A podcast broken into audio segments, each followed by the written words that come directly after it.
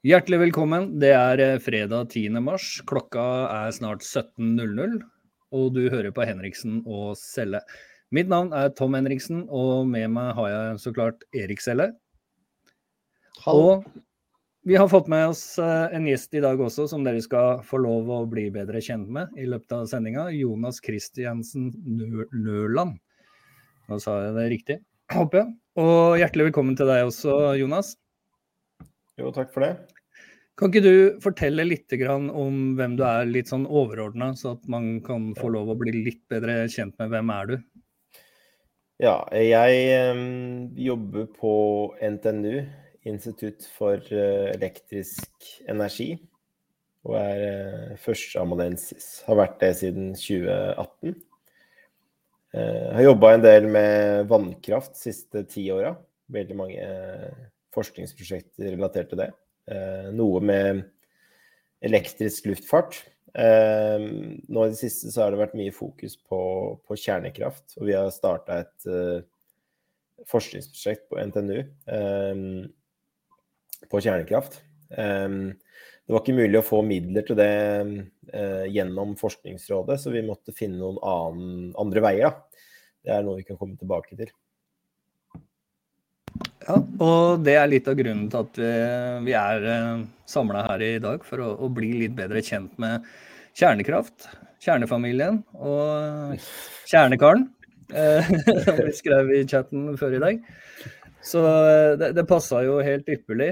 Og vi hadde jo også Jeg hadde en fornøyelse av å få lov å høre og lære litt mer om dette i går, og jeg blei veldig interessert. Jeg syns dette var et fantastisk spennende tema. Og jeg hadde lyst til at mange flere skal få lov å bli kjent med de forskjellige typer utviklingene vi ser i samfunnet, om det er vannkraft, eh, om det er atomkraft eller kjernekraft, som man heter.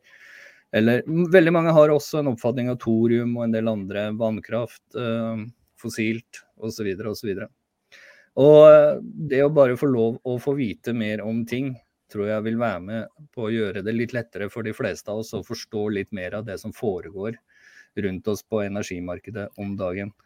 Og Erik, du, eh, du, du har jo brent for denne saken i lang tid.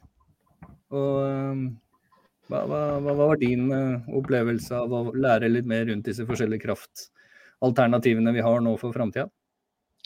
Eh, jeg får jo begynne med å slå et slag for eh, konservativt. Eh, vi, Jonas holdt et gnistrende foredrag i går. Det holder du jo rundt omkring, Jonas, vet jeg. Og han var også grei nok til å stille opp for vårt månedlige fagmøte i konservativt, hvor vi satt fokus på energipolitikk. Og jeg syns det er uh, veldig viktig. Uh, det er mye som går på autopilot. Uh, det er mye debatt som aldri blir tatt i Norge i dag. og Derfor så ønsker vi å både være med på å skape arenaer for åpen debatt. fordi uten åpen debatt og uten faglige si, premissleverandører, så blir jo politikk ren synsing. Og det kan bli fatalt for nasjonen. Eh, det handler om menneskers liv og hverdag, økonomi, eh, barnehage, skole, utdanning, helse, forsvar. Alt vi skal gjøre og legge til rette for befolkningen. Da må politikken og politiske beslutninger fattes på et bredest mulig grunnlag, hvor mest mulig fakta og dokumentasjon ligger på bordet. Eh, og der syns jeg at Jonas Nøland har veldig mye å, å bidra med men eh, Jonas, du i dine foredrag så snakker du om eh, forskningsfrihet. Eh, eller jeg vil kalle det mangel på forskningsfrihet. Og hvordan blir forskningen blir styrt. Det er klart at Hvis staten, altså hvis de politikerne som skal fatte beslutningene, styrer forskningsmidlene dit de ønsker, så blir jo svaret som et bestillingsverk. Eh, så kan du si litt om hvordan det er å være forsker i Norge. Hvordan opplever du forskningsfriheten er, og hvordan er middeltildeling til forskning f.eks. på noe som skulle være politisk ukorrekt i øyeblikket? Nei, altså det er eh, klart at det er, det er trange kår eh, for forskning når det kommer til eh, den type forskning som trengs, men som ikke er eh, så satt pris på. Og der, eh, der kommer jo kjernekraft kraft inn. Um, det har jo vært en litt kontrovers rundt akkurat den saken nå. Det var uh, jeg sammen med en del professorer på Universitetet i Bergen, Universitetet i Tromsø og NTNU, Høgskolen på Vestlandet, Eh, vi var ute og skrev en kronikk både i mm, Krono og i Universitetsavisa, hvor vi fortalte om det at vi mener at um, forutinntatthet har ingen plass i målet om god forskning. Uh, hvor vi viser da til det som har skjedd da med mm, Energi21, uh, som da gir, gir, råd til hva man skal Det er verdt å, å, satse på i forhold til forskning og utvikling. Og så ser vi at det er blitt, uh, blitt strupa igjen eh, når det kommer da, til utlysninger i Forskningsrådet. At det, at det er politisk overstyring da, av, uh, av, det som forskerne selv mener er verdt å forske på, og som trengs for, uh, for fremtida. Vi sier rett og slett at dette er et sjansespill med he hele Norges energifremtid. Ja. Eh, så med andre ord eh, Forskningsmidler for å utrede eh, det vitenskapelige grunnlaget for andre energibærere enn vind og sol akkurat nå, det er rett og slett ikke populært på politisk nivå. Og dermed så kommer ikke forskningsmidlene dit heller. Er det det jeg hører du sier? Uh, ja. Uh, det er nok mulig å få midler til andre energikilder. Uh, du kan ta f.eks. noe midler til vannkraft. noe midler kanskje her, her, og der til bølge, tidevann. Det er sånne små energikilder som kommer til å bli bare energisupplementer. Det er ikke noe energikilder som kommer til å, komme, til å spille noen dominerende rolle. ikke sant? Men det er fordi kjernekraft det er jo noe som kommer til å spille en dominerende rolle, en positiv rolle. Ikke bare i Asia og, og Canada, men også faktisk uh, i Vesten, hvis vi, hvis vi, slipper den løs. Uh, men okay. det er det er, det er eksplisitt. Mm. La meg bare oppsummere litt. Altså, Da har vi slått fast at uh, vi trenger politisk endring, slik at uh, man får styrt forskningsmidler uh, bredere til Som jeg sier, hvis politikerne styrer forskningsmidlene dit de vil, så får de også svarene de ønsker seg. Og da, da mister vi simpelthen de vitenskapelige beslutningsgrunnlagene for gode avgjørelser. Ja. Det er nummer én som konservativt eh, vil ta tak i. Nummer to, hvis vi går til kjernekraft, Jonas. Eh, er det land i verden i dag som baserer eh, energiforsyningen til nasjonen på moderne atomkraftverk? Det er jo land som gjør det. Vi ser jo f.eks. Frankrike, som har da en veldig veldig stor del av energimiksen deres er bygd på, på kjernekraft. Så hvorfor etter... har da Tyskland stengt ned? Uh, det har å gjøre med at um, uh, den grønne bevegelsen står veldig veldig sterkt i Tyskland. Uh, og det er mange som tenker at den grønne bevegelsen i Tyskland er veldig opptatt av f.eks. miljø og klima og de tingene der som som ofte er på dagsordenen i den politiske debatten. Men hvis du skal se på røttene til den grønne bevegelsen i Tyskland, så er det anti-kjernekraft. Det er liksom det, det, mest grunnleggende ved deres identitet er anti-kjernekraft. Og da er det jo interessant at Greta Thunberg og samene som demonstrerte forrige uke, hadde eh, miljøaktivister med seg som demonstrerte mot vindkraft eh, på Fosen. Eh, og da er jo spørsmålet Vi trenger jo kraft. Eh, og er det slik at vindkraft egentlig ikke er så natur- og miljøvennlig? Eh, og tilbake til, Du nevnte Frankrike. Er det flere land i verden, Sør-Korea f.eks.? I Asia så har vi jo alle skjelver med tanke på det som skjedde i Japan. Men er det andre land f.eks. i Asia som, som bruker kjernekraft? Uh, ja, det er jo Japan og, og Sør-Korea Kina satser veldig veldig tungt. Kina skal bygge 150 reaktor de neste 15 åra. Og India satser veldig veldig tungt. Så jeg, jeg vil jo se for meg at måte, hvis ikke Vesten begynner å, å tenke nytt nå, så, så, ser jo jeg for meg at um, all industri kommer til å, uh, å, bli fokusert de stedene der man, uh, der man satser rett og slett på en industrivennlig basiskraft. Vi trenger industrivennlig basiskraft hvis du skal bygge opp lokalsamfunn og næringer. Det gjør du ikke hvis du ikke bygger den uh, basiskraften som du kunne fått med kjernekraft. Mm. I foredraget ditt i går så hadde du noen nøkkelpunkter. Eh, det er kanskje vanskelig eh, uten å vise fremføringen din, men det som jeg, det som jeg bet meg merke i går, det var eh, arealutnyttelse. Kjernekraft er arealsparsommelig i forhold til vind. Det er stabil kraft, den er lengre varig. Eh, Ut ifra det du sa i går, så tenker jeg hvorfor er det ikke mye større fokus på å eh, legge et beslutningsgrunnlag for kjernekraft? Kan, kan, du oppsummere litt hva er hovedargumentasjonen din for at eh, Norge skal satse på kjernekraft og ikke sol og vind? Um, ja, jeg kan jo begynne da med vindkraft. Um, det er riktig at hvis du bygger vindkraft på land i Norge i dag, så, så selv om den energien eh, eh, trenger å balanseres opp, så er det riktig at den strømmen eh, har ikke en stor kostnad. Den er relativt eh, rimelig.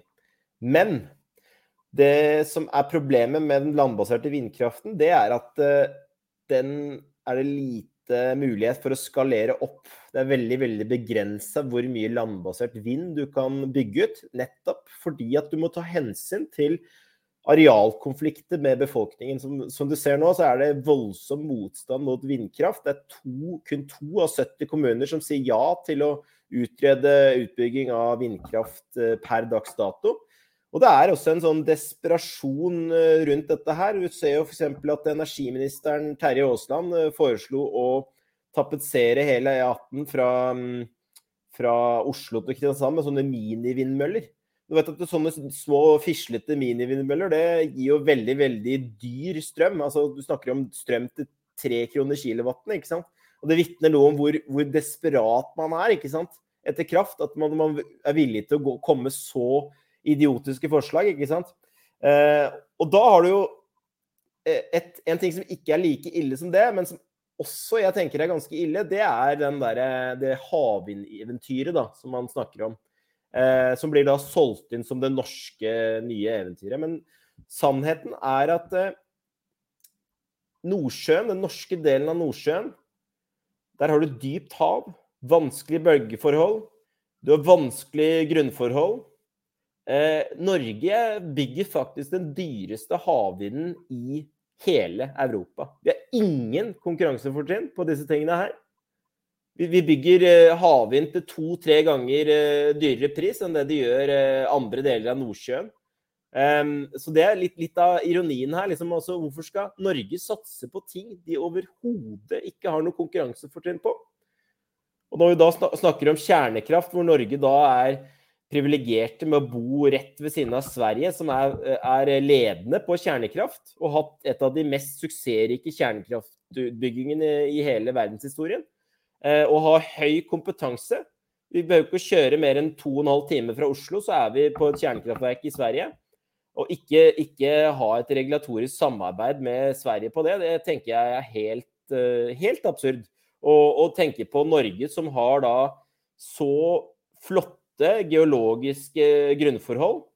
Det er få land som har de grunnforholdene vi har til å bygge mm, kjernekraft på stabile grunnforhold.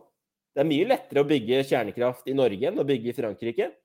Og Frankrike har jo satsa på det, så hvorfor skal ikke vi satse på det? Det blir liksom litt sånn eh, det, det, er hele tiden sånn derre eh, Man snakker om at eh, vi har ikke ikke nok informasjon om dette. Men så sitter jo da de samme politikerne som sier at vi har ikke nok informasjon om dette, som kommer og overstyrer, sånn at vi aldri skal få mer informasjon om dette, som, som vi tar da med FME-utlysning, hvor det er eksplisitt kjernekraft blir knebla politisk. Overstyrt av Energi21. Så det bare viser at man måte, man vil ikke Man er livredd for å få kunnskap om disse tingene her. Det er ikke som at den kunnskapen er farlig. For man vet at får man kunnskap, da kan det hende at det skjer ting som disse politikerne Ikke alle disse liker, da. Så vindkraft er ikke lønnsomt. Det er heller ikke godt nok som energibærer, mens kjernekraft både er lønnsomt, stabilt og en eh, troverdig energibærer. Det er det du sier. Eh, men da er mitt spørsmål til deg, Jonas. Hvis eh, vi tar vannkraften ut av energisamarbeidet med Europa, så vi ikke eksporterer det på autopilot, Eh, har Norge nok energi hvis vi beholder vannkraften som vi gjorde inntil de knyttet kablene på? Så det er jo klart at uh, Hvis du ser på eksporten til Norge i dag, så eksporterer vi strøm ca. 10% av strømproduksjonen vår. eksporterer vi. Så ca. 15 TWh av 150, sånn røftlig sett. Så det er jo et poeng at vi Hvis du ser på energimessig, uh, så har ikke vi noe kraftunderskudd i Norge. Det eneste som det er snakk om her, det er det med som jeg snakka litt om i går, det er det med effekt. At uh, å ha nok strøm når du trenger det som mest. Uh, og det er klart at vi har jo en forbruksøkning som øker i Norge, jevnt og trutt. Også fram mot 2030 og fram mot 2050. Uh, og det er klart at um, det vi har gjort av strømutbygginger i eh, Norge hittil, det er bare å fokusere på uregulerbar, væravhengig kraft. Og det vil si at det er kilder som ikke produserer nok strøm i de timene vi trenger det som mest. Og, og da blir det fort vanskelig til slutt. Hvis vi ikke da er åpen for å bygge ut kilder som kan hjelpe oss med å få en mer robust miks av energikilder. Så det er litt av, mm, av tanken jeg har. Og, og, eh, det er jo sånn at vi har det som kalles for tørrår. Det varsles om at vi kan få mye tørrår fram mot uh, eh, 2030. Og um, da tenker jeg at vi må også satse på energikilder som ikke er avhengig av været. Og der tenker jeg kjernekraft kan være en fin grunnstamme for Norge å satse på. Og som jeg nevnte i går, så ser vi at det, tilsvarende oljeland som De forente arabiske emirater. De har også satsa på kjernekraft, eh, selv om de har mye gass og olje. Eh, og de har gjort det av rene økonomiske interesser, da, for å satse på sin egen økonomiske bærekraft. Så jeg tenker at eh, for oljeland så kan det, kan det være smart å, å ha flere ben å stå på. Så det betyr at eh, å bygge kjernekraftverk i Norge, det er jo da eh, en ganske effektiv og trygg måte å sikre egen forsyningssikkerhet eh, for å bufre for en vannkrafthovedleverandør, som du sier, i, i eventuelt tørre år. Eh, men da må jo den eh, kjernekraften vi produserer egentlig også kunne bli en eksportvare. Ja, så Det som er greia, er at vi har jo bygd ut uh, kabler. Og det er, det er, generelt veldig vanskelig uh, å bygge flere kabler ut til uh, Europa. Spesielt til land som har mye dyrere strømpriser enn oss selv, sånn som Storbritannia og Tyskland. så jeg tror det blir vanskelig å bygge nye kabler igjen. Men litt av argumentasjonen da, med det at vi har, får tørrår eller får um, perioder med Selv om vi har nok energi år, år under ett, så kan vi ha perioder av året ha uh, manglende kraft. Uh, det som kommer til å skje da, er at vi kommer til å bli, få enda mer press til å bygge flere kabler, og til å være mer og mer avhengig av import. Uh, så mm. jeg tror at det å satse på kortreist kraft, og, satse på sin egen forsyningssikkerhet istedenfor å være avhengig av andre land, det er noe som kan være med å, å gjøre oss mindre avhengig av å bygge enda flere kabler ut uh, til utlandet. For det er sånn at uh, hvis Det holder ikke for Norge å ha bare billig strøm. Vi må ha billigere strøm. Altså, hvis det er samme strøm, gjennomsnittlig strømpris i uh, Tyskland som i Norge, så vil all industrien flytte til Tyskland. Og det er fordi vi har ikke andre Det er ikke sånn at det er rettferdig at Norge skal ha samme strømpris som Tyskland. Det er ikke rettferdig. For vi har andre ting, sånn som f.eks. kaldt klima, vi har andre um, lønnsnivåer osv. Så, videre. så vi må, vi må ikke lure oss i den fella at det er solidarisk at Norge skal ha lik strømpris som resten av Europa. Norge trenger å ha en strømpris som er vesentlig lavere enn våre naboland for at vi skal ha et konkurransefortrinn eh, på å f.eks. bygge næring. Da. Ja, og det var jo det vannkraften ga oss. Og som jeg pleier å si, at Norge trenger ikke noe grønn omstilling. Fordi vi omstilte til grønt for 100 år siden, og vi gikk fra kullkraft til vannkraft. Eh, spørsmålet nå det er en smart eh, energipolitikk som gir oss en god industripolitikk, som gjør oss konkurransedyktig, så vi kan bevare velferden og velstanden. Eh, og da synes det for meg som om den kursen man ligger på nå, det er en feil kurs. Og utbyggingen av disse vindparkene det er jo et mareritt. Både for de som lever rundt dem, men også hvis du ser hvilken inngrep det gjør faktisk i naturen. Og når det i tillegg ikke er økonomisk lønnsomt eller energipolitisk lurt, så er jo det noe man må etter hvert gå ifra. Eh, så spør, òg ikke minst miljøsiden, altså F, eh, miljøkonsekvensene av disse vindturbinene. Vi har sett det tidligere fra havvindprosjektene utenfor New York State, hvor eh, hvalene nå skylles døde opp på land. Og, og Veldig mange ordførere i countiesen der borte har sagt at uh, dette må stoppe til vi får kontroll på konsekvensen, konsekvensene. Altså en analyse av hva dette gjør med livet i havet og sånne ting. Mm. Men uh, Jonas, hvor mye Nummer én, hvor lang tid vil det ta å bygge et kjernekraftverk og få det operativt fra en politisk beslutning tas? Det er nummer én. Og nummer to, hvor mange kraftverk ser du for deg at vi trenger å bygge i Norge hvis vi kutter all havvind- og landvindproduksjon og gjør som du sier og satser på kjernekraft? Hvor mange kjernekraftverk trenger vi da for å sikre energitrygghet i Norge? Ja, så det, det, er det som er eh, ganske interessant. Det er ikke så veldig mye kjernekraft vi trenger. Eller det er jo en del, men altså, hvis du tenker i antall kjernekraftverk, så er ikke det så mye. Um, det som er greia med vannkraften vår, det er at eh, vannkraften vår den bærer hele systemet vårt i dag. Og så er det noe grunnproduksjon eh, som vi har i dag, altså den strømmen som hele tiden brukes. Og hvis vi kunne fått inn uh, kjernekraften i bunnen av systemet vårt, for å avlaste noe av den grunnlasten, så kunne vi økt verdien på vannkraften vår.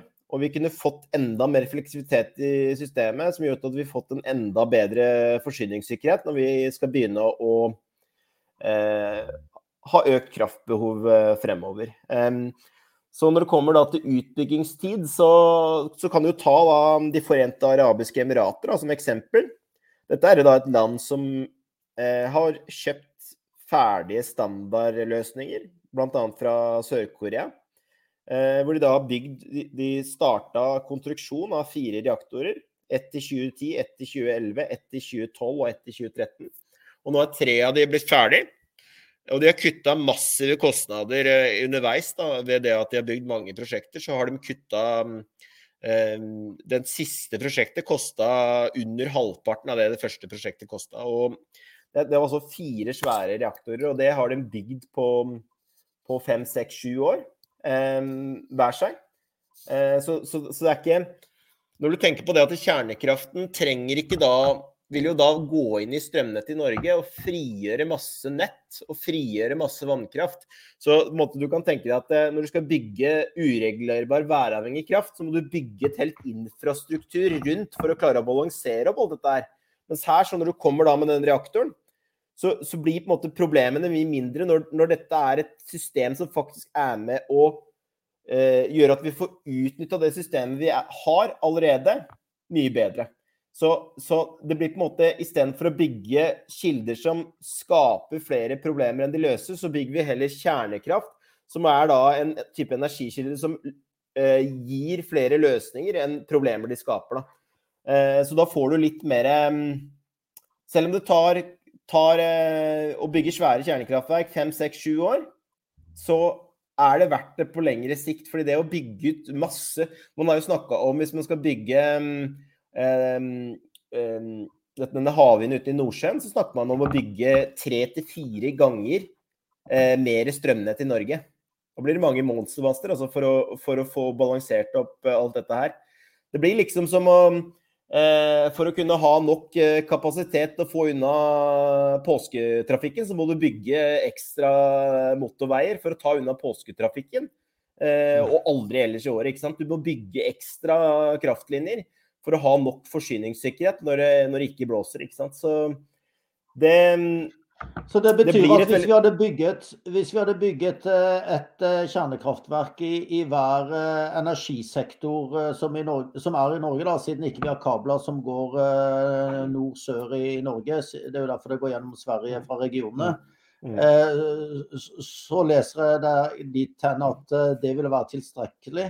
Altså Hvis vi hadde hatt en ambisjon på fire kjernekraftverk da, i Norge mm hvor lang tid ville det da tatt, med tanke på at man sier at vi trenger det hurtig? Ja.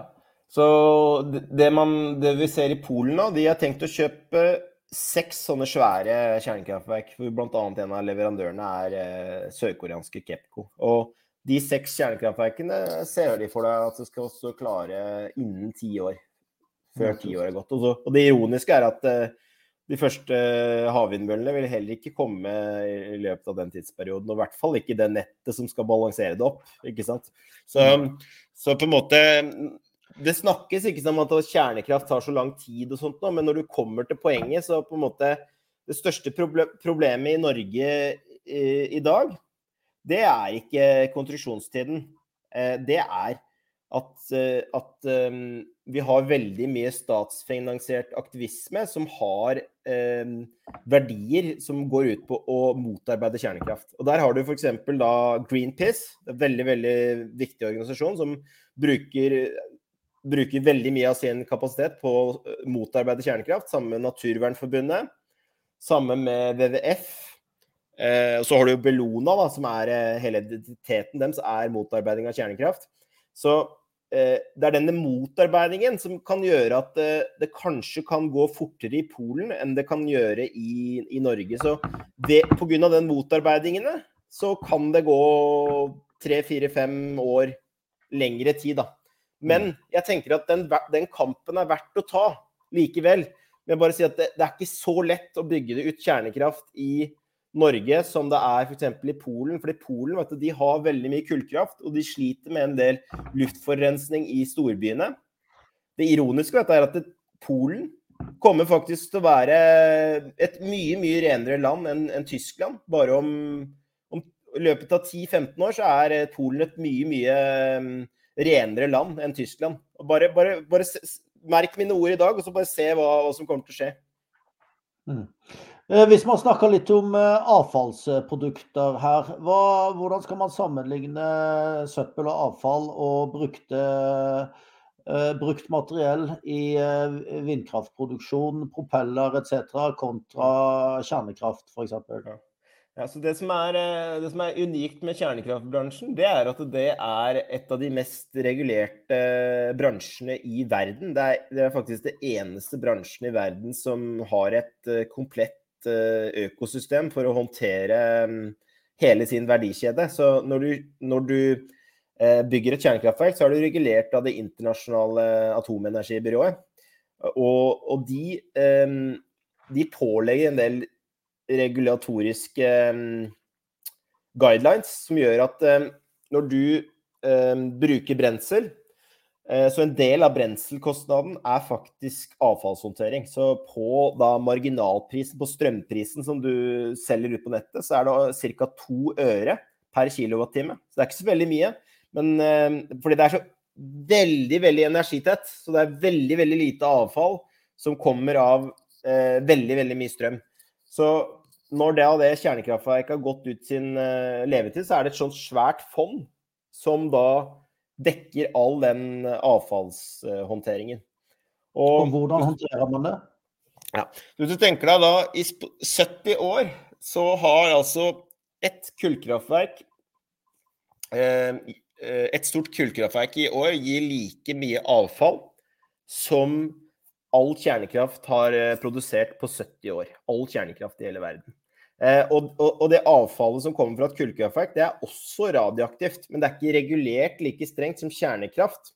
Du kan tenke deg hvis, hvis Nationaltheatret i Oslo hadde vært et kjernekraftverk, så måtte hele Nationaltheatret vært stengt. For det er så mye eh, radioaktivitet ved Nationaltheatret i Oslo. ikke sant? Du skjønner, skjønner, på en måte bare plutselig du kommer inn i kjernekraftsfæren her, så er det plutselig mye, mye strengere. Så det er, det er litt av uh, problemet. Men det er også betryggende da, at dette her faktisk blir håndtert. Du kan tenke deg dette radioaktive, dette radioaktive um, avfallet, det eh, bare, bare Jeg fikk litt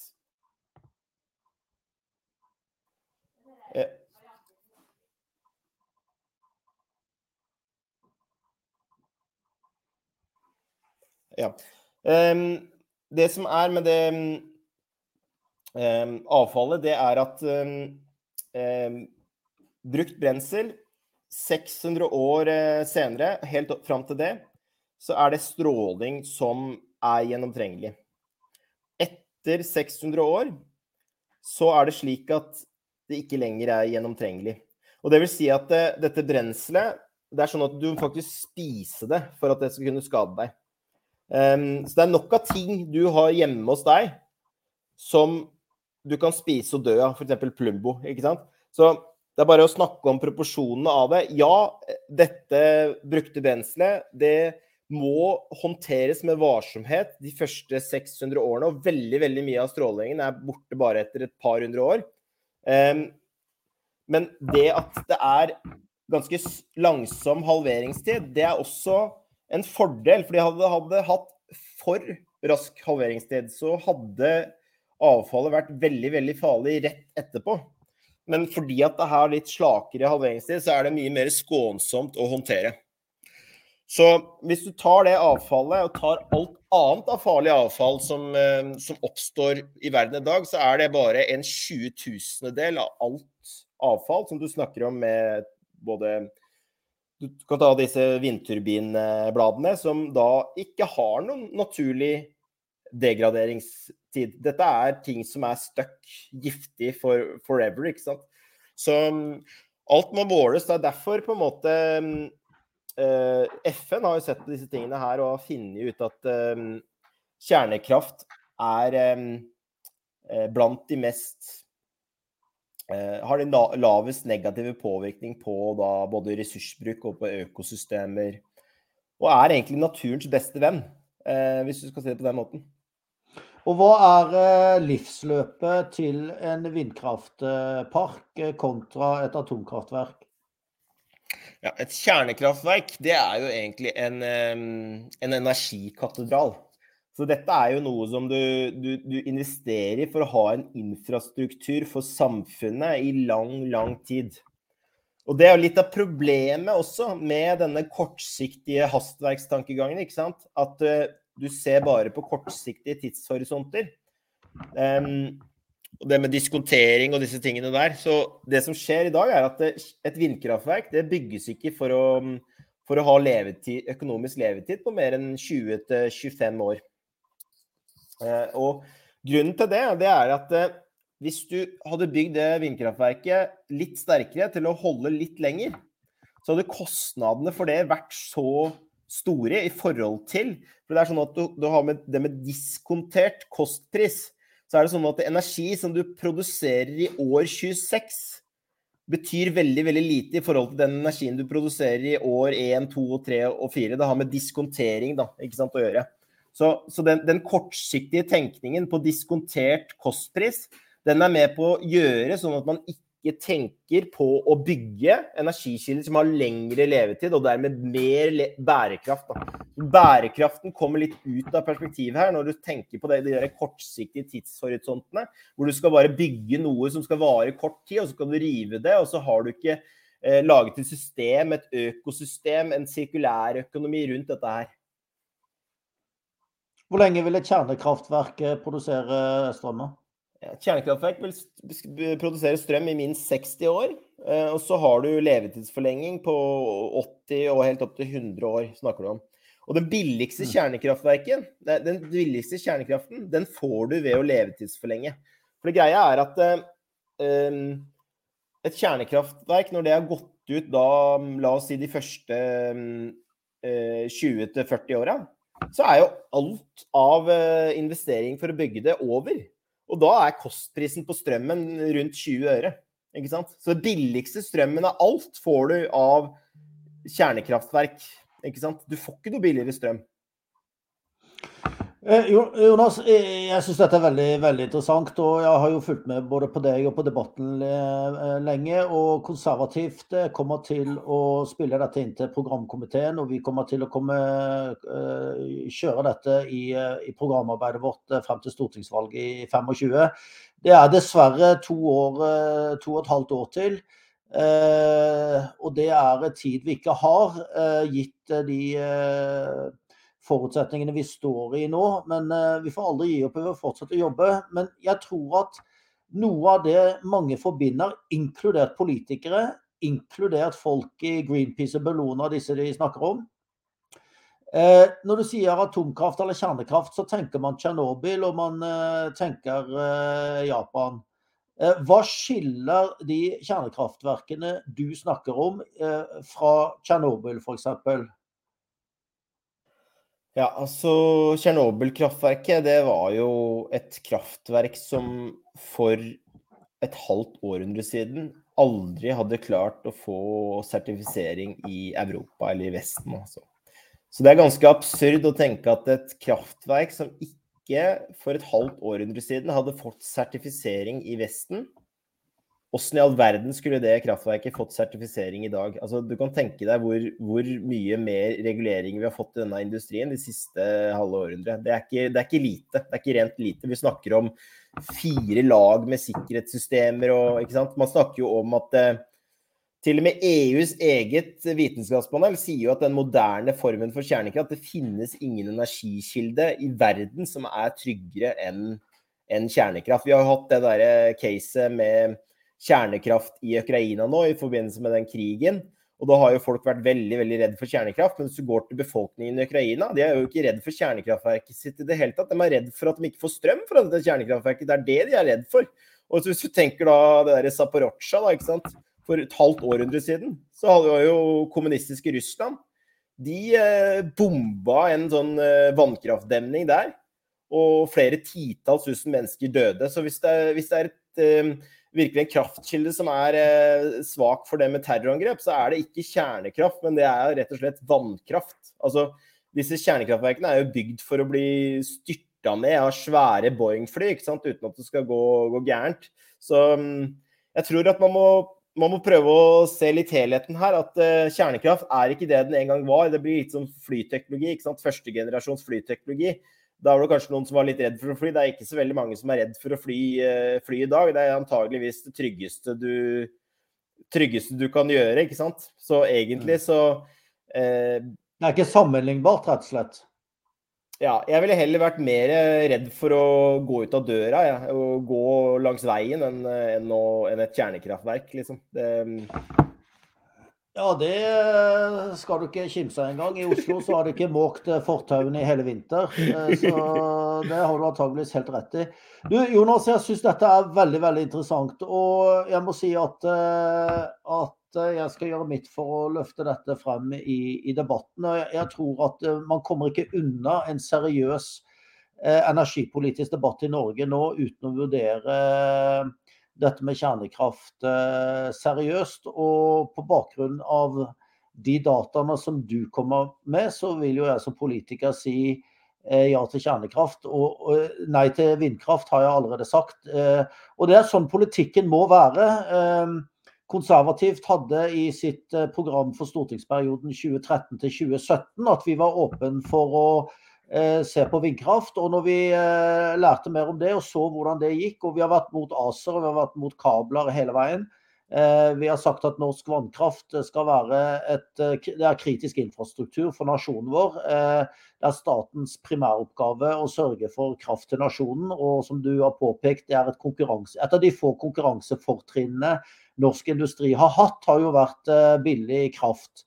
Så det er helt rett som du sier, det er ikke rettferdig at, at Norge og Tyskland skal ha samme kraftpris. Og det må vi simpelthen gjøre noe med. Så jeg håper du fortsetter med forskningen.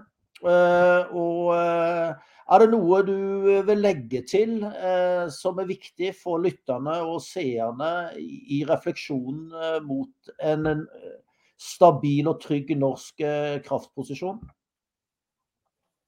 Ja, jeg vil bare si det at jeg syns det er kjempefint at, at, det er flere partier som, som, tar tak i denne problematikken her nå.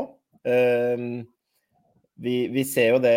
Jeg var jo på Debatten på, på NRK, eh, som du kanskje har fått med deg, eh, og debatterte Hadia Tajik. Og eh, det virker som at de litt mer etablerte partiene, så er det, det er veldig stor forskjell på hva de sier på privaten og det de sier utad. Eh, det er rett og slett eh, en del politisk korrekthet da, som holder igjen det å få en fruktbar eh, debatt. Da. da håper jeg liksom at, eh, at, andre partier kan gå litt mer foran. Eh, vi så her at eh, på Stortinget nå mm, nylig så var Frp ute og, hadde et forslag om eh, at Norge burde putte penger på forskning og utvikling av mm, kjernekraft. Og da var det Det ironiske der var at det var bare ett, to partier som stemte for det forslaget. Det var MDG og Pasientfokus. Og det er litt interessant at det var MDG som stemte for det forslaget. Og det er fordi det er faktisk noen i MDG som har begynt å skjønne at kjernekraft er faktisk ganske bærekraftig. Og så har du da Frp som er opptatt av den økonomiske bærekraften til samfunnet. Så der ser du på en måte at Kanskje Frp og MDG er to partier som kanskje tradisjonelt er veldig veldig mot hverandre. Men når du ser på den, det spørsmålet her, så har de funnet litt, litt, sammen. Jeg tror også det er viktig at andre partier som, som da har en litt mer eh, kritisk tilnærming til uh, den skakkjørte energipolitikken vi har, at andre partier, sånn som dere, går inn og er konstruktive og kommer med forslag. fordi det er ikke noe tvil om at den energipolitikken vi gjør i dag, den er skakkjørt. Så vi trenger partier som dere og andre partier som tør å være tydelige på hva dere mener. Ja, jeg anbefaler alle lyttere og seere å gå inn på NRK-debatten eh, som eh, Jonas Nøland var med på. Det var i januar. Eh, du finner det på nrk.no. Eh, og så er det slik at eh, Konservativt mener jo at staten skal være så liten som mulig, men så stor som nødvendig. Og at staten skal være sterk nok til å ha makt nok til å sikre eh, borgernes interesser og trygge den. og Derfor så er det både energipolitisk, industripolitisk og næringsøkonomisk riktig og viktig å finne en stabil og trygg norsk kraftkilde, som gjør at vi gjerne har den laveste kraftprisen i Europa. Det er mitt mål. Norge skal ha laveste strømpriser i Europa. Eh, vårt næringsliv skal være sterkt, velferden skal fortsette. Eh, og Da må vi tenke helt annerledes enn det dagens stortingspolitikere har gjort. Eh, for den krisen vi er i, er politikerskapt. Eh, det er tragisk, men det positive er at dermed er det også mulig å få den politiker løst. Men jeg tviler på at de politikerne som har ført oss så langt inn i natten som vi er nå, de er ikke i stand til å snu seg rundt og gjøre noe med det, for de har satset for mye på det. Eh, trygg norsk energi er et konservativt oppdrag. Det oppdraget er vårt. Eh, og det er bare til å henge med på konservativt videre. Denne debatten er viktig. Jeg tror den er på grensen til kritisk avgjørende for Norges økonomiske fremtid. Eh, og jeg takker Jonas for at du fant tid til å være med på podkasten vår i dag. Eh, keep up the good work. Eh, og vi ses ved neste korsvei.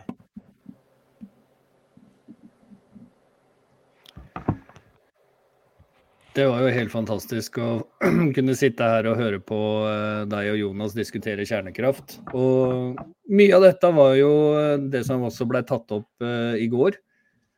Og jeg, anbefaler alle til å lytte til denne podkasten både én og to ganger. Kanskje tre ganger også. For å få med deg alle detaljene rundt kjernekraft. Og energimiksen og behovet og ikke-behovet osv. Tom, eh, det så, som er eh, ganske åpenbart, det er at eh, vi ser det igjen og igjen. Vi lever i en nasjon hvor eh, debatt, altså debatt, er undertrykt. Eh, på i-nyheter i dag kunne vi lese om en eh, ny organisasjon av forsvarspersonell, politipersonell, helsepersonell, justissektoren, hvor, hvor man er anonymt medlem. Eh, mm. Fordi man er eh, kritisk til eh, måten regjeringen og Stortinget tillot husker på Stortinget tillot regjeringen å håndtere det på, på denne måten.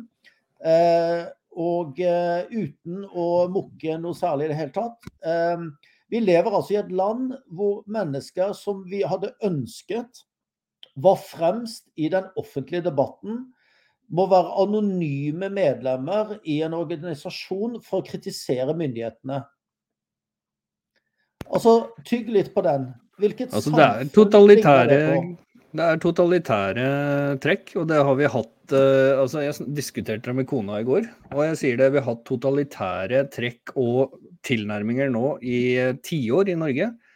Og nå begynner vi endelig å se det virkelig i praksis på overflata, så at de fleste i samfunnet får det med seg. Men denne måten har holdt på i små skala, og så vokser det litt og litt og litt og litt. Inntil du sjøl plutselig en dag våkner opp i et uh, rimelig totalitært samfunn. Vi er fortsatt et demokrati, altså det er ikke det. Men jeg, jeg, ser disse tendensene som jeg ikke har noe sans for. og jeg har bare lyst til å si det. Han sier PK ødelegger debatten. Man sier én ting og mener noe annet. Og det kommer til å ødelegge demokratiet vårt hvis ikke politikerne har ryggrad nok til å si det de mener og stå for det de mener, og mene det de sier. Men Tom, ærlig talt, tenk deg om. Dette er ikke totalitære tendenser. Dette er en totalitær virkelighet. Ja, det er det. Når, vi, når vi, har, vi, er forbi totalitære tendenser vi, vi har altså vært igjennom den mest dramatiske statlige maktbruk yes. siden andre verdenskrig det har eh, De som har hatt noe form for opposisjon, de har blitt hetset av mediene. Mm. Stemplet. Eh, og så har du altså Så har vi altså fremstående fagpersoner i viktige sektorer for drift av nasjonen, som er enig med oss, som vi har sagt åpent eh, helt siden covid begynte, men de må altså være anonyme pga. hva? Pga. frykt for represalier. Eh, da snakker vi ikke eh, torpedoer og drap og sånn, men vi snakker konsekvenser for jobb, mm. yrkesliv, eh, navn og rykte og sånne ting.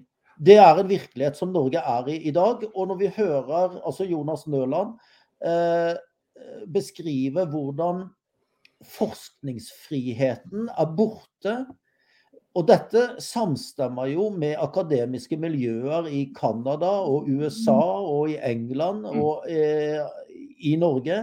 Det, det, er mange i den akademiske sektor som sier at forskningsfriheten er borte. Den akademiske friheten er borte.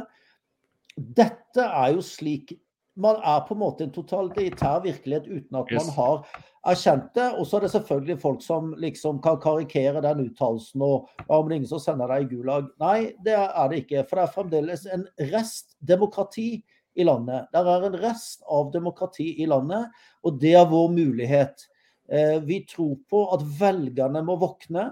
Vi tror at valgene det er det høyeste organet i et demokrati. Det er da folket møter opp og velger sine ledere. Eh, men når de lederne har skapt over mange mange tiår et system hvor mediene er ikke lenger eh, vaktbikkjer Vi har snakket om den fjerde statsmakt. Den finnes ikke lenger. Den fjerde statsmakt har fusjonert. Med, eh, med hva skal vi si, statsmakten. og opptrer mer eller mindre som aktivister for den linjen som er anerkjent. Og du ser det jo også for disse menneskene. De sirkulerer mellom jobber i toppolitikken, i medietoppene, i de store organisasjonene som skal liksom være premissleverandør for politikken, eh, så er det de samme menneskene. Så det, det er en sirkelargumentasjon som er så fjernt over vanlige folk. Ehm, og da må vi vanlige folk, vi må ta eh, makten tilbake. Det gjør vi ved valg. Det gjør vi ved å bryte frykten og tørre å snakke sant om det vi ser eh, og tegne opp en ny kurs. Yes. Eh, og noen må ta ledelsen på dette. Og konservativt er reist opp nettopp for at du skal få et alternativ til det etablerte. Fordi det etablerte går stort sett i takt. Ja, det gjør de også. I tillegg så kan man jo gå rett fra Stortinget til uh, disse høyt betalte jobbene i de forskjellige ja, jeg kaller det nesten influenserfirmaene, da. Uh, man har uh, Godt uttrykk. Ikke sant. Uh, altså, jeg, jeg, begynner å kalle en del i pressen for bloggere. fordi at jeg, jeg har skrevet mer eller mindre artikler de siste fem-seks årene med varig hyppighet. Noen ganger har jeg gode perioder, andre ganger så er det to måneder mellom hver gang. Men jeg, jeg, opplever nå at mye av det som leveres av seriøse journalister som jeg før liksom kunne gå til og se på, det, altså det er like bra eller dårlig som det jeg skriver. Og jeg er en lekmann som sitter og, og bare pøser ut hva som er oppi hodet mitt. Uh, Men den gode journalistikken og det, og det, er mangelvare. Den er mangelvare. Kritisk journalistikk er mangelvare. Ja. Og de som kommer med den, de er konspirasjonsteoretikere, det er misinformasjon, det er ytre høyre eller det er ytre venstre. Og, og det er dette jeg syns er så fascinerende. ikke sant? Fordi at eh, Du ser i noen debatter, så Steigan f.eks. Altså, det er like før han blir stempla som ytre høyre. altså, det finnes ikke en mer ekte kommunist enn Steigan. Steigan er AKP ML. Og hvis du lurer på hva de sto for, så søk opp og les om det. Det er altså rå kommunisme som eh, ja, jeg håper vi aldri noensinne får lov å oppleve. Og, og, og, dette her ødelegger hele debatten. Det ødelegger for hele Norge. Det ødelegger for de kommende generasjoner. Fordi man følger bare blindt etter et eller annet. Og, og jeg bare sånn tenker at ja, men folkens. Ta dere fem minutter i helga, søk litt på nettet, les litt om de forskjellige tingene. Ikke bare kjøp alt du hører. Fordi ofte så, så opplevde jeg det når hverdagen var veldig hektisk og unga var veldig små. Så gikk alt i ett. Så det jeg liksom hørte, det var fra venner og bekjente osv. Og, så og så var det de ti minuttene jeg gadd å se på et eller annet på TV 2 eller NRK eller et eller annet sånt. Og så laga jeg meg en mening om det. Men vi har kommet forbi det punktet nå fordi samfunnet vårt er i en drastisk endring pga. den globaliseringsiveren vi ser fra politikere i World Economic Forum, fra FN bl.a. Uh, fra våre Altså, Børge Brenne er leder i World Economic Forum. Erna har lederposisjon i World Economic Forum. Og dette er bare en måte å knytte sammen. Alle vil inn i EU. Alle ønsker til, nærmere tilknytning til EU, men da får du, akkurat som Jonas nevnte, aldri billig strøm. Fordi at da må vi forholde oss til det dyreste strømprodusenten i Europa, fordi vi er en del av EU. Derfor vi må bare ut av ACER. Vekk, få det vekk. Altså ut av EØS med en gang. Og så stable en fornuftig, god politikk som ivaretar landet vårt, våre innbyggere, og de neste mange generasjonene. Ikke de neste fem årene, for det kan vi fikse. Og inflasjonstallene ble sluppet i dag også. Jeg ser avisene prøver å si ja, det økte bare med ditt og datt og da. Men de tar ikke høyde for økte drivstoff- og energipriser. Det vil jeg bare poengtere. Og når du da vet at samfunnet har blitt 6,3% dyrere bare i februar, pluss strøm, pluss drivstoff, osv., så, videre, så vet du da at inflasjonen har løpt helt løpsk. Og regjeringen gjør ingenting annet enn å fortsette å gi penger ut av landet. Kutt ut denne, pengeutdelinga til alle andre. Invester i Norge. Invester i flere arbeidsplasser. Og invester i å løfte alle de svake i samfunnet. Og det gjør du med å endre lovreguleringa. Men det skal vi ta en annen gang, fordi sist gang jeg begynte på dette her, så snakka jeg i 45 minutter. Så vi skal ta det. Vi må, vi må innom eiendomsretten. Og, og vi, du snakka litt om arealplanlegging, og dette går litt sånn uh, hånd i hånd uh, framover. Og spesielt det vi ser framover. Og nå, nå, eiendomsskatt Altså det er jo bare en dobbeltbeskatning av noe du egentlig eier. Og ja, altså, areal... altså eiendoms... ja. Eiendomsskatten er en, en, u, altså det er en uh, uskatt, om jeg kan bruke det begrepet. Og SSB de erkjenner at prisestimatet som, de, som eiendomsskattene vurderes med, ligger minst 20% feil. og det gir da en høyere eiendomsbeskatning Altså innenfor rammene av tenkningen til de som vil ha eiendomsskatt. Og Det betyr at det sitter mennesker og verdsetter ting eh, høyt for å få høyere beskatning inn til kommunen. Eiendomsskatten er en uting. Eh, vi, har, vi, vi, må komme vekk fra denne staten som tror de har rett til å beskatte alt mulig. Eh, husk på at staten er ikke Eh, det, det, er en, det, er et dødt begrep. Staten består av individuelle mennesker som har fått maktposisjoner og dermed tar beslutninger. Eh, og de menneskene, når de kommer inn i disse posisjonene, så tror jeg de mister litt eh, gangsynet på hva som egentlig er oppdraget deres, og hvilke fullmakter de egentlig har. Og bare fordi du har makt, betyr ikke det at du har rett. Det er jo alle totalitære stater et bevis på. Eh, og det å skatte Vi har altså et, et, skattetrykk i Norge som gjør at staten betaler ut penger til folk, så de kan betale skattene sine til, eh, til staten.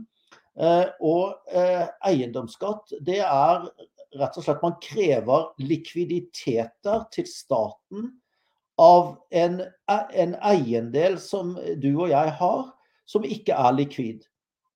Det betyr at uh, minstepensjonister som kanskje har brukt et helt liv på å betale ned en leilighet og er gjeldfri, uh, må altså betale for den eiendommen som er deres.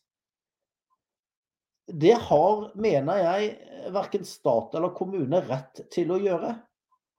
Eh, jeg mener at eiendomsskatt jeg vil nesten karakterisere det som et overgrep mot befolkningen. Eh, og hvis man ønsker høyere forbruk og høyere økonomisk omsetning i økonomien, så er jo eiendomsskatt en fin ting å fjerne. Eh, så har alle råd til litt mer pizza og litt mer klær, og kanskje pusse opp badet og en sydentur.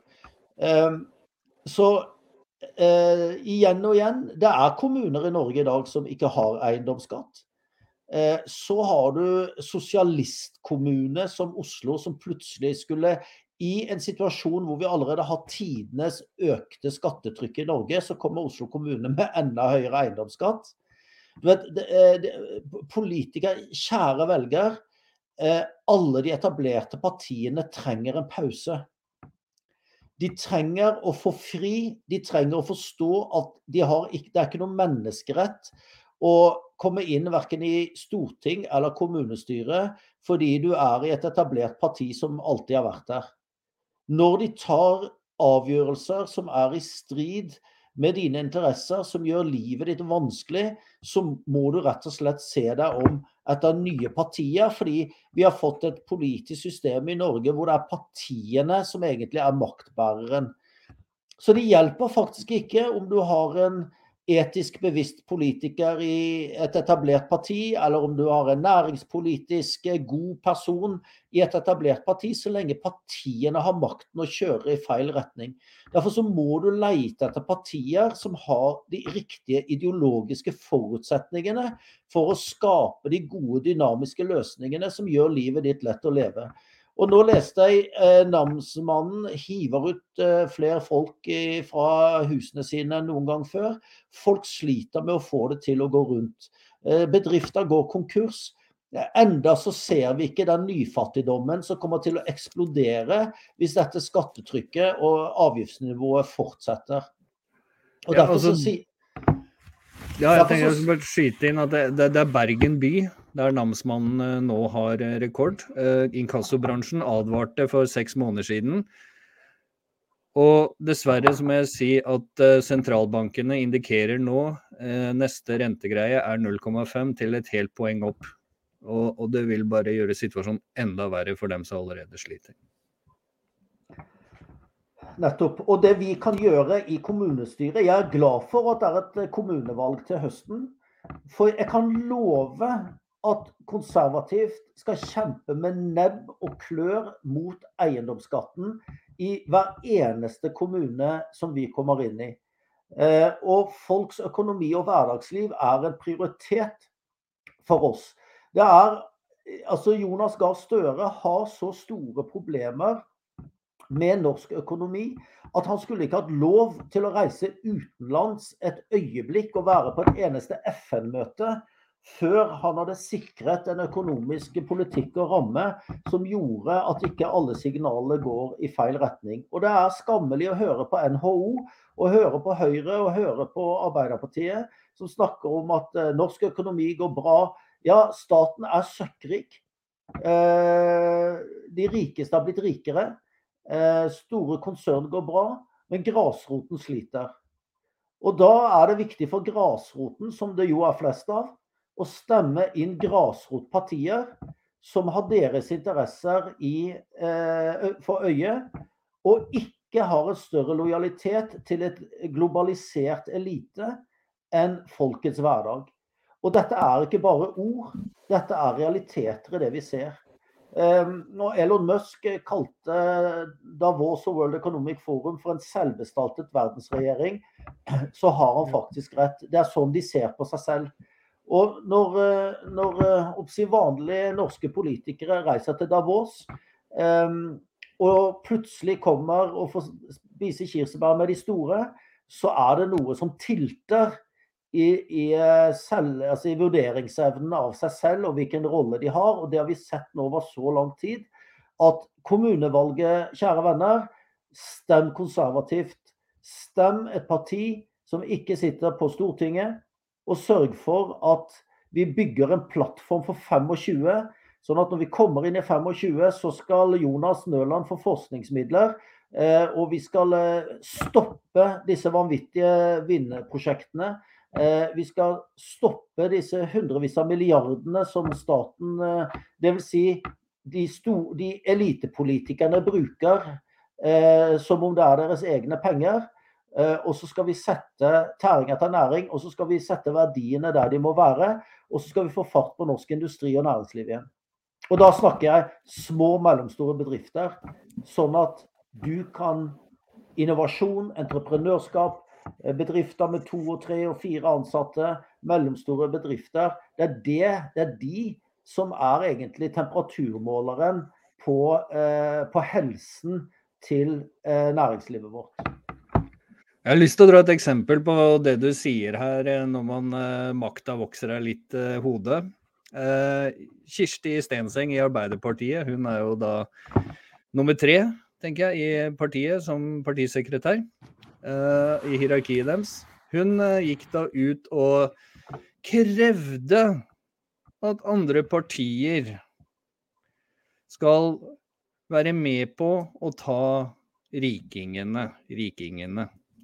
Og mitt stille sinn så tenkte jeg, hvem er det du tror du er, som kommer og forteller andre partier, andre politikere, hva de skal si, hva de skal mene, hvilke saker de skal støtte osv. Arrogansen hennes og Arbeiderpartiets arroganse kjenner ingen grenser. Og det håper jeg at dere som lytter på, er med på å spre det budskapet til flest mulig. For som jeg sier, veldig mange. Stressende hverdag osv. Men jo mer vi snakker om det her, jo mer vi sprer dette fra en person til en annen, jo bedre samfunn kan vi bygge sammen framover. Og Tom, kan jeg få skyte inn der at da, da vil jeg bare understreke at det hjelper ikke å gå fra Arbeiderpartiet til Høyre. Eh, Nei, nå hadde jo Høyre en morsom meningsmåling med 36,9.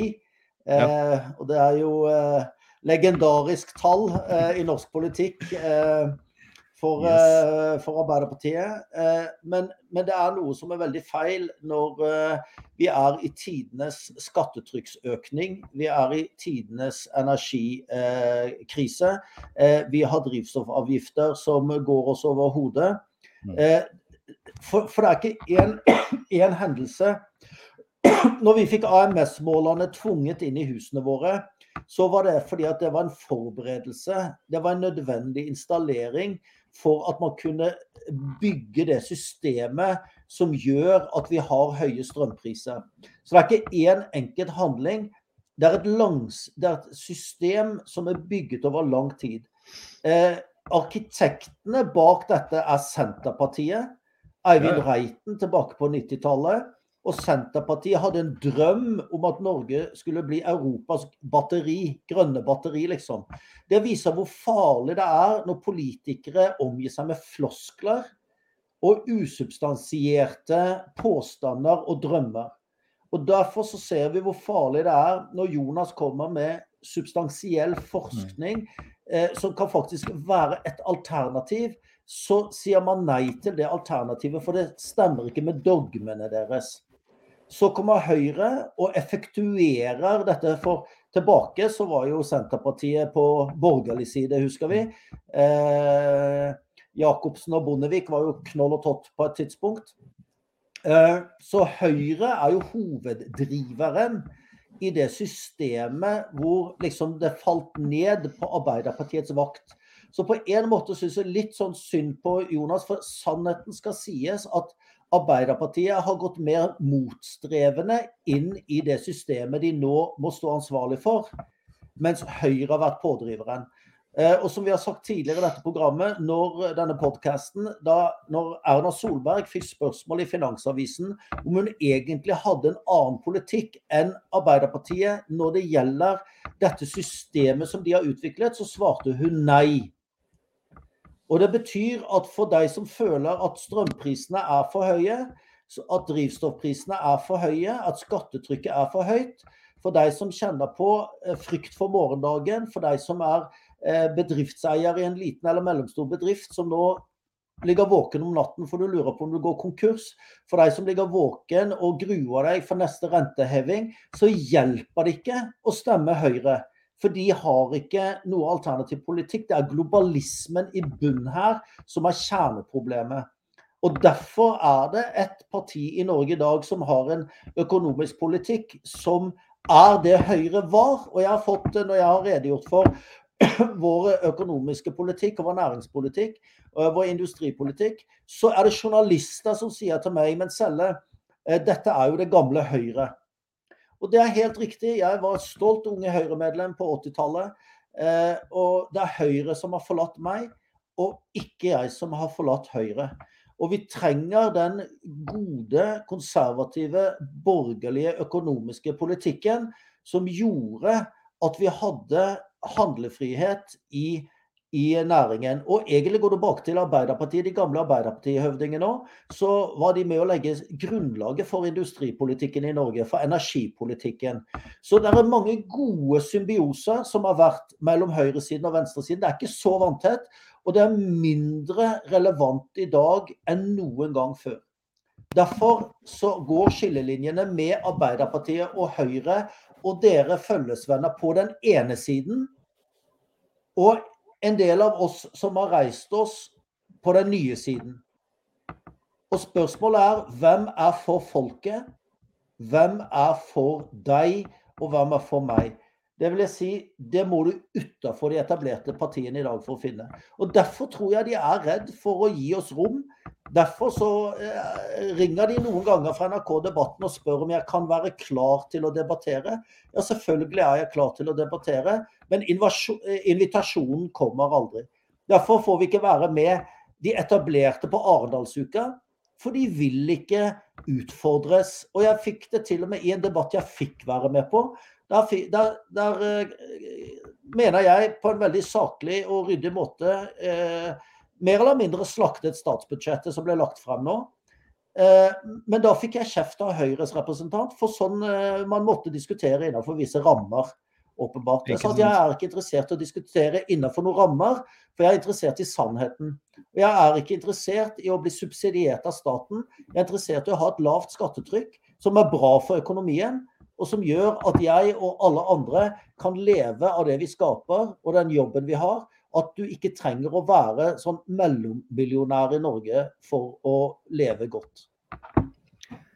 Og, og, Vi har jo noen klare eksempler her eh, fra Drammens Tidende, Vår eminente ordførerkandidat eh, Magne Juvik, som eh, er politiker i dag i Bjørnafjorden kommune, flytter til Drammen. Har vært varaordfører osv. Han tar kontakt, han ber om å komme få lov å fortelle litt. Grann. Nå har vi levert liste, vi har følgende folk på liste, vi står for dette, dette er våre saker, da, da, da, osv. Litt sånn standard pressemelding fra partiene. Som du kan lese om Rødt får inn, og Frp og Venstre og KrF osv. Og, og, og sånn, da.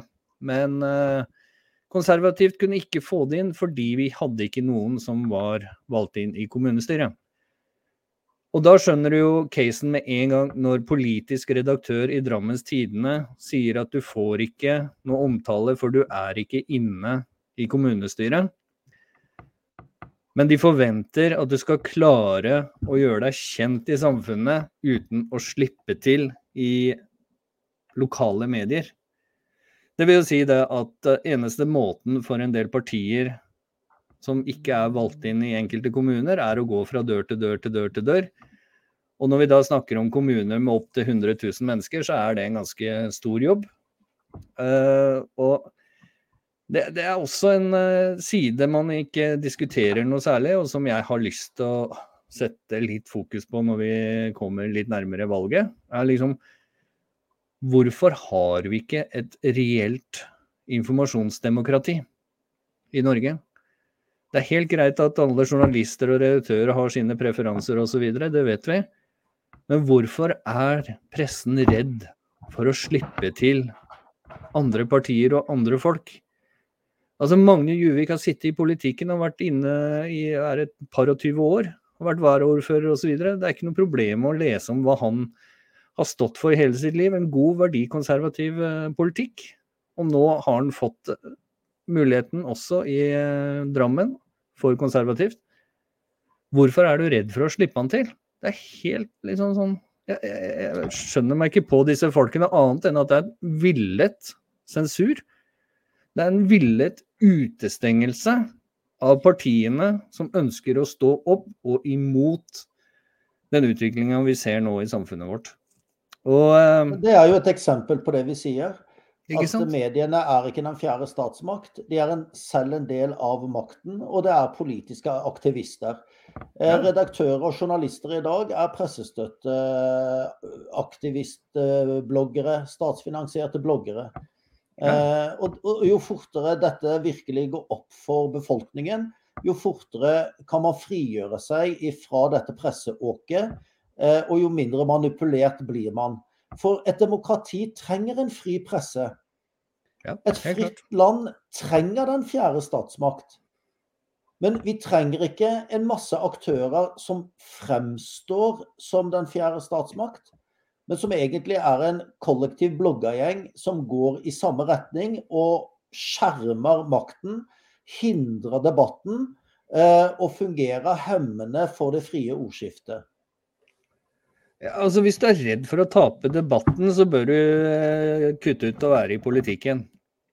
altså, det, det, altså, det, må være et faktum for de fleste som går inn i politikken, er det at du vinner og taper eh, en del debatter. Noen ganger så har du lest opp og har argumentene i orden, andre ganger så går du på en smell og du taper debatten. Sånn er det bare. Og hvis mediene går inn og beskytter inkompetanse, i politikken fordi at man er fra riktig parti, da har vi et problem i demokratiet vårt. Og eh, det, det bringer meg litt over til eh, en eh, siste sak. Tidligere stortingsdirektør, det var du som nevnte det for meg, har nå blitt belønna med en ny, fet jobb etter å ha hatt litt vel mye rot i papirene sine i sin forrige jobb. Og er det altså, dette samfunnet her sånn der vi belønner folk for inkompetanse, altså det, hvor er vi på vei nå, Erik? Dette er jo veldig morsomt. Det er altså Marianne Andreassen, som er tidligere stortingsdirektør, eh, som måtte gå eh, på flere saker. Eh, juks med reiseregninger, som hun hadde det øverste ansvaret for. IT-angrep, mediesaker om politiske ordninger og forvaltning. Så hun måtte gå, og belønningen hun får for det, det er altså en ny toppjobb som finansdirektør ved Oslo universitetssykehus. Eh, og da er det jo interessant å bare notere seg at unge Andreassen har da vært statssekretær i UD, vært statssekretær i Finansdepartementet, har Arbeiderpartiboken i orden. Og, og det, det, det, er helt åpenbart hva skal jeg si, et eksempel på det, Når du først kommer inn i et sjikt i norsk Eh, hva skal jeg si, samfunnselite, så resirkulerer man mennesker. Eh, liksom var der eh, måtte Fins det ingen gode finansdirektører i eh, Oslo universitetssykehus eh, sin, eh, sin, horisont som ikke er medlem av Arbeiderpartiet? Det er litt for mye av disse tingene som gjør at du ser på en måte en form for Altså Det blir en form for kameraderi da, som er helt åpenbart. Eh, du ser det på utnevningen av eh, ambassadører. Du ser det på utnevnelse av toppstillinger i semistatlige organisasjoner. Eh, du ser det i utnevnelse av de viktige organisasjonene som er statsfinansiert, som gjerne er premissleverandører som støtter gjerne venstresiden, i hvert fall den etablerte elite. Eh, og jeg fikk jo dette i klartekst eh, i et departement som eh, jeg hadde et prosjekt i. Og da sa de rett til meg at, at Selle, er du innafor, så er det ingen grenser for hvilke åpninger vi kan gi deg. Er du utenfor, så kommer du ikke inn uansett hvor flink du er. Du er utafor. Glem det. Altså, jeg tenkte, er det mulig? Er det ikke Norge jeg bor i? Jeg tenkte, Hadde jeg gått til VG med dette, her, så tenker jeg da hadde det blitt førstesideoppslag. Kameraderi i, i, i, toppen i systemet. Og så slo det meg at men VG kommer aldri til å skrive om det. For VG er en del av det. Ja, ja, ja. De tar ikke, de tar ikke engang innlegg jeg skriver eh, som utfordrer narrativet deres. Jeg ble til og med ringt opp av VG, for de vil gjerne ha en kommentar om at Trump var rasist. Og så sa jeg at eh, det kan jeg ikke bekrefte. Nei, da er vi ikke interessert i intervjuet. De sa det rett ut. Ikke sant. Men eh, som eh, de som står litt utafor og får mange superlativer kastet etter oss av våre meningsmotstandere, så skal vi avslutte her i dag med å ønske dere alle sammen en riktig, riktig god helg. Og jeg håper dere som meg hadde en fantastisk 40-50 minutter med Jonas Nørland og hans kunnskap. Og så skal vi eh, ta oss av politikken nå framover. Nå begynner vi å nærme oss landsmøte, vi skal ha lister. Og ja, har du lyst til å stå på liste til konservativt, ta kontakt. Send en mail til post at konservativt.no. Jeg vil stå på liste, overskrift, så tar vi kontakt med deg. Vi stiller gjerne i mange mange flere kommuner enn eh, de vi allerede har på plass. Og vi får stadig vekk nye lokallag, nye lister. Nesten hver eneste dag opplever jeg nå at jeg får telefoner, jeg får meldinger osv. som sier jeg vil være med og stå på liste for konservativt. Så tusen hjertelig takk til alle dere. Tusen alle takk til dere som lytter på oss. Og tusen takk til deg, Erik. Jeg veit du har en uh, rimelig busy plan i disse dager. Så vi setter pris på at du setter av den tiden sammen med oss. Og så ønsker vi dere alle sammen riktig god helg. God helg, alle sammen.